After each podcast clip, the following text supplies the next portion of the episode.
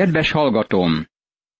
A karmeli nagy esemény után pszichológiai tényező is szerepet játszott Illés helyzetében. Az a túlzott feszültség, kiábrándulás, eredménytelenség, hidegség, idegi megnyomorodás, elcsüggedés, elbátortalanodás, lemondás és összeomlás ideje volt az életében. Talán félreértettük Illést. Edzett és darabos volt.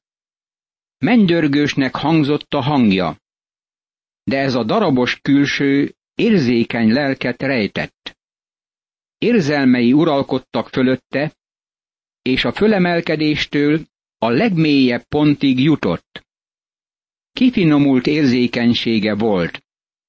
Volt művészi és szép érzéke. Természeténél fogva érzelmi beállítottságú volt, és mindent az érzelmeire alapozott. Talán a depressziótól szenvedett, ahogy a pszichológusok mondják.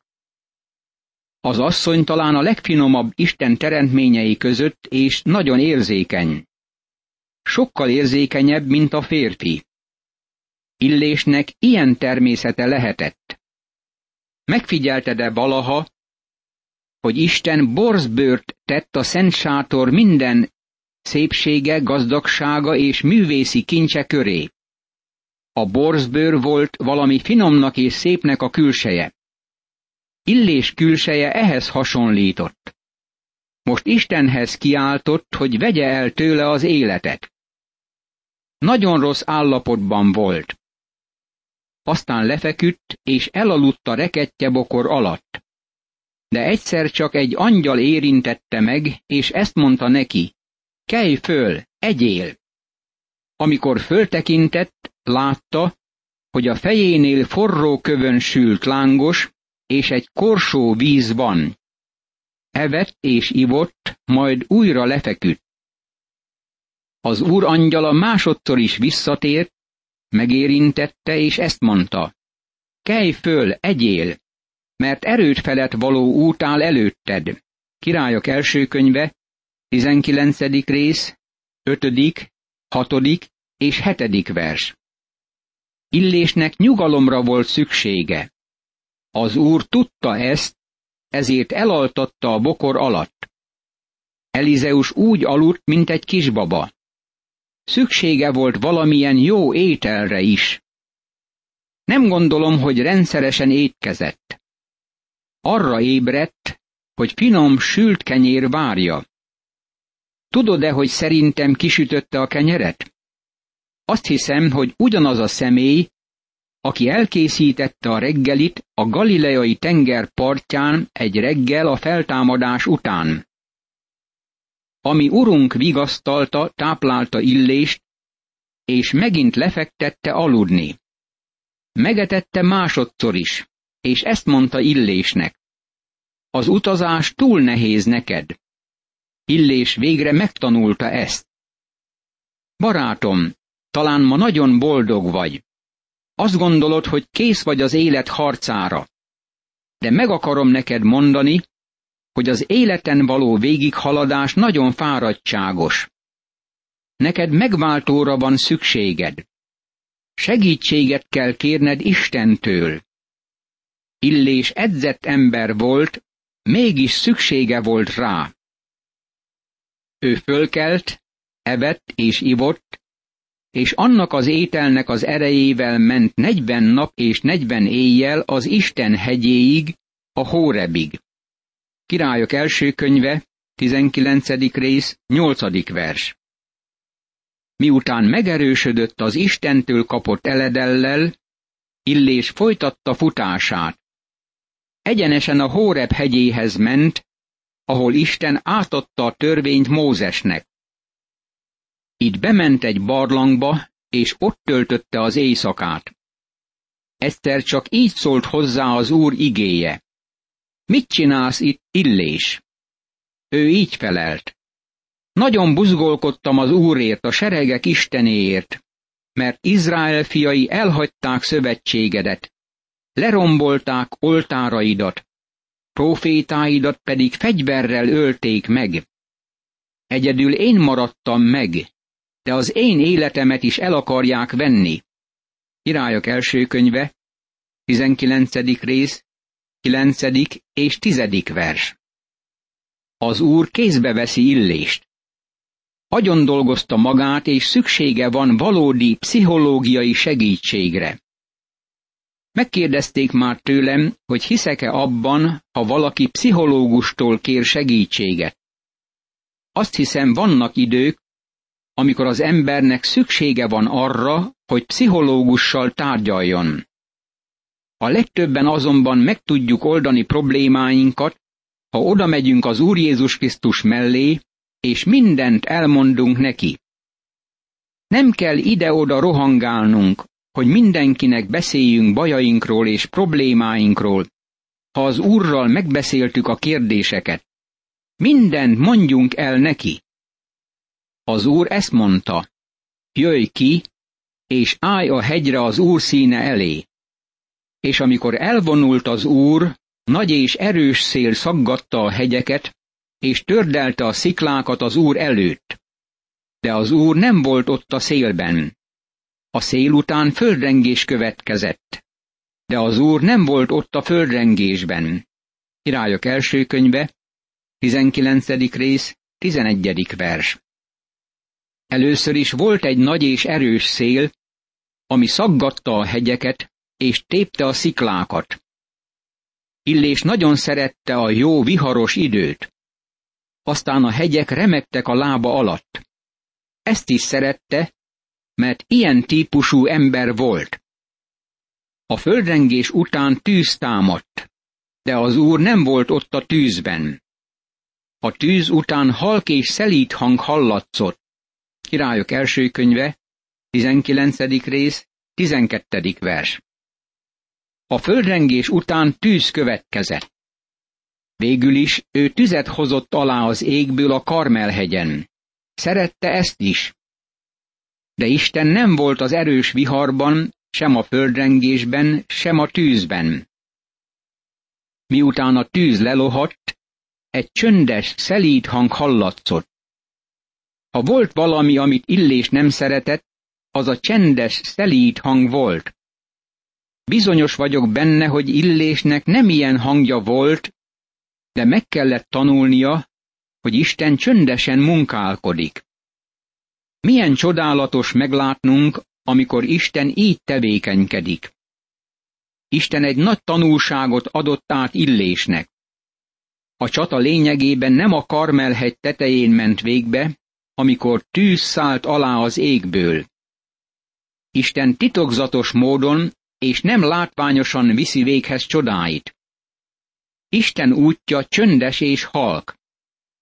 Isten apróságokat használ föl célja elérésére. Ahogy valaki mondta, a nagy ajtók kis sarkokon forognak. Isten a jelentéktelennek tűnő lépésekkel nyitja ki hatalmas ajtóit. Illésnek ezt kellett megtanulnia. Amikor Illés ezt meghallotta, palástjával eltakarta az arcát, kiment, és megállt a barlang bejáratánál. Egy hang pedig így szólt hozzá, mit csinálsz itt Illés? Ő így felelt.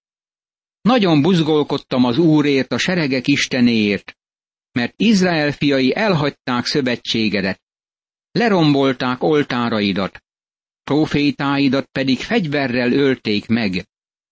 Egyedül én maradtam meg, de az én életemet is el akarják venni. Királyok első könyve, 19. rész, 13. és 14. vers. Sokan azonosulunk illéssel. Néha a családunkban vagy a lakóterületünkön hitetlenek vesznek körül, és az az érzésünk, hogy mi vagyunk az egyedüliek a földön, akik kiállunk Krisztus mellett. Ekkor azt mondta neki az Úr, menj, kelj ismét útra a pusztán át Damaszkuszba, és amikor odaérsz, kent fel hazáélt Arám királyává. Azután Jéhút, Nimsi fiát kent fel Izrael királyává. Elizeust, az Abél mehólai sáfát fiát pedig ken fel profétává a magad helyébe. És aki majd megmenekül hazáél kardjától, azt Jéhú öli meg, és aki megmenekül Jéhú kardjától, azt Elizeus öli meg. Királyok első könyve, 19. rész, 15., 16. és 17. vers. Isten ezt mondja Illésnek. Menj vissza az északi ország részbe, még sok munka vár rád. Föl kell kennie hazáért Szíria királyává, Jéhut Izrael királyává. Aztán Isten megmondja Illésnek, hogy Elizeus lesz az utódja. De meghagyok Izraelben hétezer embert, minden térdet, amely nem hajolt meg a Baál előtt, és minden szájat, amely nem csókolta meg azt. Királyok első könyve, 19. rész, 18. vers. Végül Illésnek azt mondja, hogy van hétezer ember, akik nem hajtottak térdet Baál előtt. Istennek mindig van ilyen maradék népe, barátom. Volt ilyen maradék nép Illés idejében, és van ma is. Most nagyon tapintatlanul utalok a maradékra, de ők kiállnak Isten mellett. Nem hajtanak térdet a Baál előtt. Ők nem voltak kint a nép előtt, mint Illés. Csöndben maradtak, de igazán hülyek voltak Izrael istenéhez. Most Isten felkészíti Illést arra, hogy hazavigye, és majd utána Elizeus foglalja el a helyét. Amikor elment onnan, rátalált Elizeusra, Sáfát fiára, aki éppen szántott. Tizenkét iga ökör volt előtte, ő maga a tizenkettediknél volt. Amikor Illés elment mellette, rádobta a palástját. Akkor ő otthagyta az ökröket, Illés után futott, és ezt mondta. Hadd csókoljam meg apámat és anyámat, azután követlek. Ő azt felelte, menj, de térj vissza, mert valamit tettem veled. Elizeus otthagyta őt, de aztán vette az egyik pár ökröt, levágta, és az ökrök szerszámánál megfőzte a hús, odaadta a népnek, és ettek. Ő pedig elindult, követte Illést, és szolgálatába állt. Királyok első könyve, 19. rész, 19., 20. és 21. vers. Elizeus válik Illés tanítványává. Kiképzésben részesül, hogy átvegye a szolgálatot, amint majd látjuk. Emlékezz arra, hogy ez az esemény Izrael királyságának ketté szakadása után történt. Tíz északi törzs viseli az Izrael nevet. Mivel mind a király, mind a nép ismételten védkezett, Isten megengedi, hogy ellenségek támadják meg őket. Isten azonban megint kegyelmes, és lehetőséget ad nekik a megtérésre és arra, hogy visszatérjenek hozzá. Ebben a huszadik fejezetben az van leírva, hogy Isten megszabadítja Izraelt, jól lehet, óriási mértékben túlszárnyalja őket a szíriaiak hatalmas hadseregének létszáma. Benhadád, Arám királya összegyűjtötte egész haderejét. Harminckét király volt vele lovakkal és harci kocsikkal. Így vonult Samária ellen, körülzárta, és ostromolni kezdte azt. Királyok első könyve, 20. rész, első vers. Isten megengedi az ellenségnek, hogy Samária ellen vonuljon. Eddig az ideig Isten egyáltalán nem engedte meg ezt. Azt olvassuk azonban, hogy Isten győzelmet ígért még Ahábnak is. Akkor egy próféta lépett Aháb izraeli király elé, és így szólt. Ezt mondja az Úr. Látod ezt a nagy tömeget? Én ma a kezedbe adom ezt, és akkor megtudod, hogy én vagyok az Úr. Aháb ezt kérdezte, kik által? Ő így felelt. Ezt mondja az Úr, a tartományi vezérek katonái által. Ki kezdje meg a harcot? kérdezte Aháb. Ő így felelt, te magad. Királyok első könyve, 20. rész, 13. és 14. vers. Isten szabadításának ígérete ebben a helyzetben nem Aháb hűségén, hanem Istennek az ő népe iránti szeretetén alapul. Isten lehetőséget adott ennek az embernek a változásra. Sokat hallunk ma az elvesztett lehetőségekről, és arról a lehetőségről, amely csak egyszer kopogtat minden ember ajtaján. Azt hiszem, lehetőség nyílik az embereknek, és tovább kopogtat az Úr az ajtónál. Ahám megkapja a győzelem ígéretét, és Isten megadja neki a szíriaiak feletti fényes diadalt. Mindenki levágta az ellenfelét, és megfutamodott Arám, Izrael pedig üldözőbe vette. Arám királya Benhadád elmenekült lóháton a lovasokkal együtt. Kivonult Izrael királya is, vágta a lovakat és a harci kocsikat, és nagy vereséget mért Arámra. Királyok első könyve, 20. rész, 20. és 21. vers. Akkor a próféta odalépett Izrael királya elé, és ezt mondta neki. Feszítsd meg erődet továbbra is. Értsd és lásd meg, hogy mit kell tenned, mert egy esztendő múlva ismét ellened vonul Arám királya. Királyok első könyve, 20. rész, 22. vers. Isten ezt mondta Ahábnak. Győzelmet adtam neked, de légy óvatos, hogy ne térj vissza Baál imádatához. Bemutattam, hogy én vagyok a te Istened, az élő Isten. Szíria királya felvonul ellened ismét az év fordulásakor. Ezzel nem ér véget a küzdelem. Benhadád megújítja erőfeszítését, hogy legyőzze Izraelt. Ez nagyon szemléletesen tárul elénk. Izrael fiait is megszemlélték, ellátták őket élelemmel, és így indultak az arámok ellen. Izrael fiainak a tábora olyan volt azokkal szemben, mint két kis kecskenyáj, az arámok viszont ellepték a földet. Akkor előlépett az Isten embere, és ezt mondta Izrael királyának. Így szól az Úr. Mivel azt mondták az arámok, hogy az Úr a hegyek istene, de a völgyeknek nem istene, ezért ezt az egész nagy tömeget a kezedbe adom, és akkor megtudjátok, hogy én vagyok az Úr. Királyok első könyve, 20. rész, 27. és 28. vers. Isten megint győzelmet adott Ahábnak az ellenség felett, de sajnálatos módon Aháb hibát követett el, amikor megkímélte Benhadád életét. Benhadád ezt mondta neki. Visszaadom azokat a városokat, amelyeket apám elvett a te apától, és rendez be magadnak bazár utcákat Damaszkuszban, amilyeneket az én apám rendezett be Samáriában. Én pedig, felelte Aháb, szövetséggel bocsátlak el téged.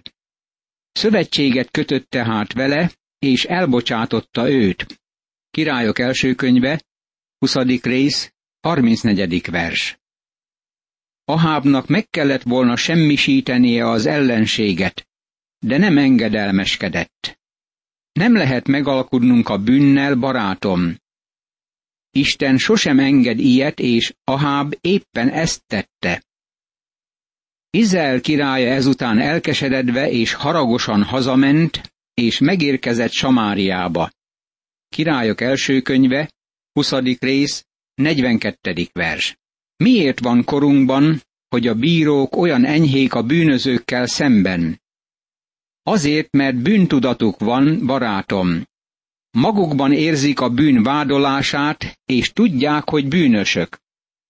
Csak nem olyan ez, mint amikor valakire újjal mutogatunk, hogy bűnbánatra késztessük. Nagyon nehéz az egyik bűnösnek ítéletet mondania a másik felett. Ez volt Aháb esete, vagyis annak az oka, hogy Benhadád életét megkímélték. Az előttünk levő 21. fejezet egy gonosz király és királynő életének a történetéből való, ami bemutatja kabzsi és kegyetlen jellemüket. Ezek után a következő dolog történt. A jezréeli nábótnak szőlője volt Jezréelben, Samária királyának, Ahábnak a palotája mellett. Királyok első könyve, 21. rész, első vers. Néhány évvel ezelőtt voltam Samáriában, és be kell vallanom, hogy az az egyik legszebb terület Palesztina földjén. Odállhat az ember Samária hegyére, ahol Aháb és Jezábel palotája állt. Valamikor Omri építette. Láthatja az ember Jeruzsálemet délfelé, az Esdrelon völgyét és északon a galileai tengert. Keleten a Jordán folyót és nyugaton a földközi tengert. Gyönyörű látvány tárul az ember szeme elé mind a négy oldalon. Nem sok ehhez hasonló hely található. Ha abban az országban élnék, akkor azt a helyet szeretném otthonul választani. Egyszer Aháb így szólította meg Nábótot. Add nekem a szőlődet, hadd legyen az veteményes kertem, mert közel van a házamhoz. Adok helyette jobb szőlőt, vagy ha jónak látod, pénzben adom meg az árát. Nábót így felelt Ahábnak. Az Úr őrizzen meg attól, hogy odaadjam neked atyai örökségemet. Királyok első könyve, 21. rész, második és harmadik vers. Nábótnak szőlőskertje volt azon a területen, és amint ott álltam azon a gyönyörű dombon, kíváncsi voltam, hogy melyik oldalon lehetett. Nem tudjuk, hogy hova esett az a kert. Aháb szép palotája mellett feküdt, de a király nem volt nyugodt, amíg nem tudta megszerezni azt a szőlőskertet. Nábót nem akarta eladni, mert azt őseitől örökölte, és meg akarta tartani magának. Azt Isten adta ősének, és apáról fiúra szállt át. De most itt van egy király, aki meg akarja szerezni, és elég bátor embernek kellett lennie ahhoz, hogy visszautasítsa. Imádkozzunk! Istenem, köszönöm a Szentírás tanításait, amelyek alapján megismerhetem, hogy mi a jó és mi a rossz a te szemed előtt. Add szentelked vezetését, hogy mindig a jót válasszam, és így kedved szerint éljek. Az Úr Jézus Krisztus neve által kérlek, hallgass meg engem. Ámen.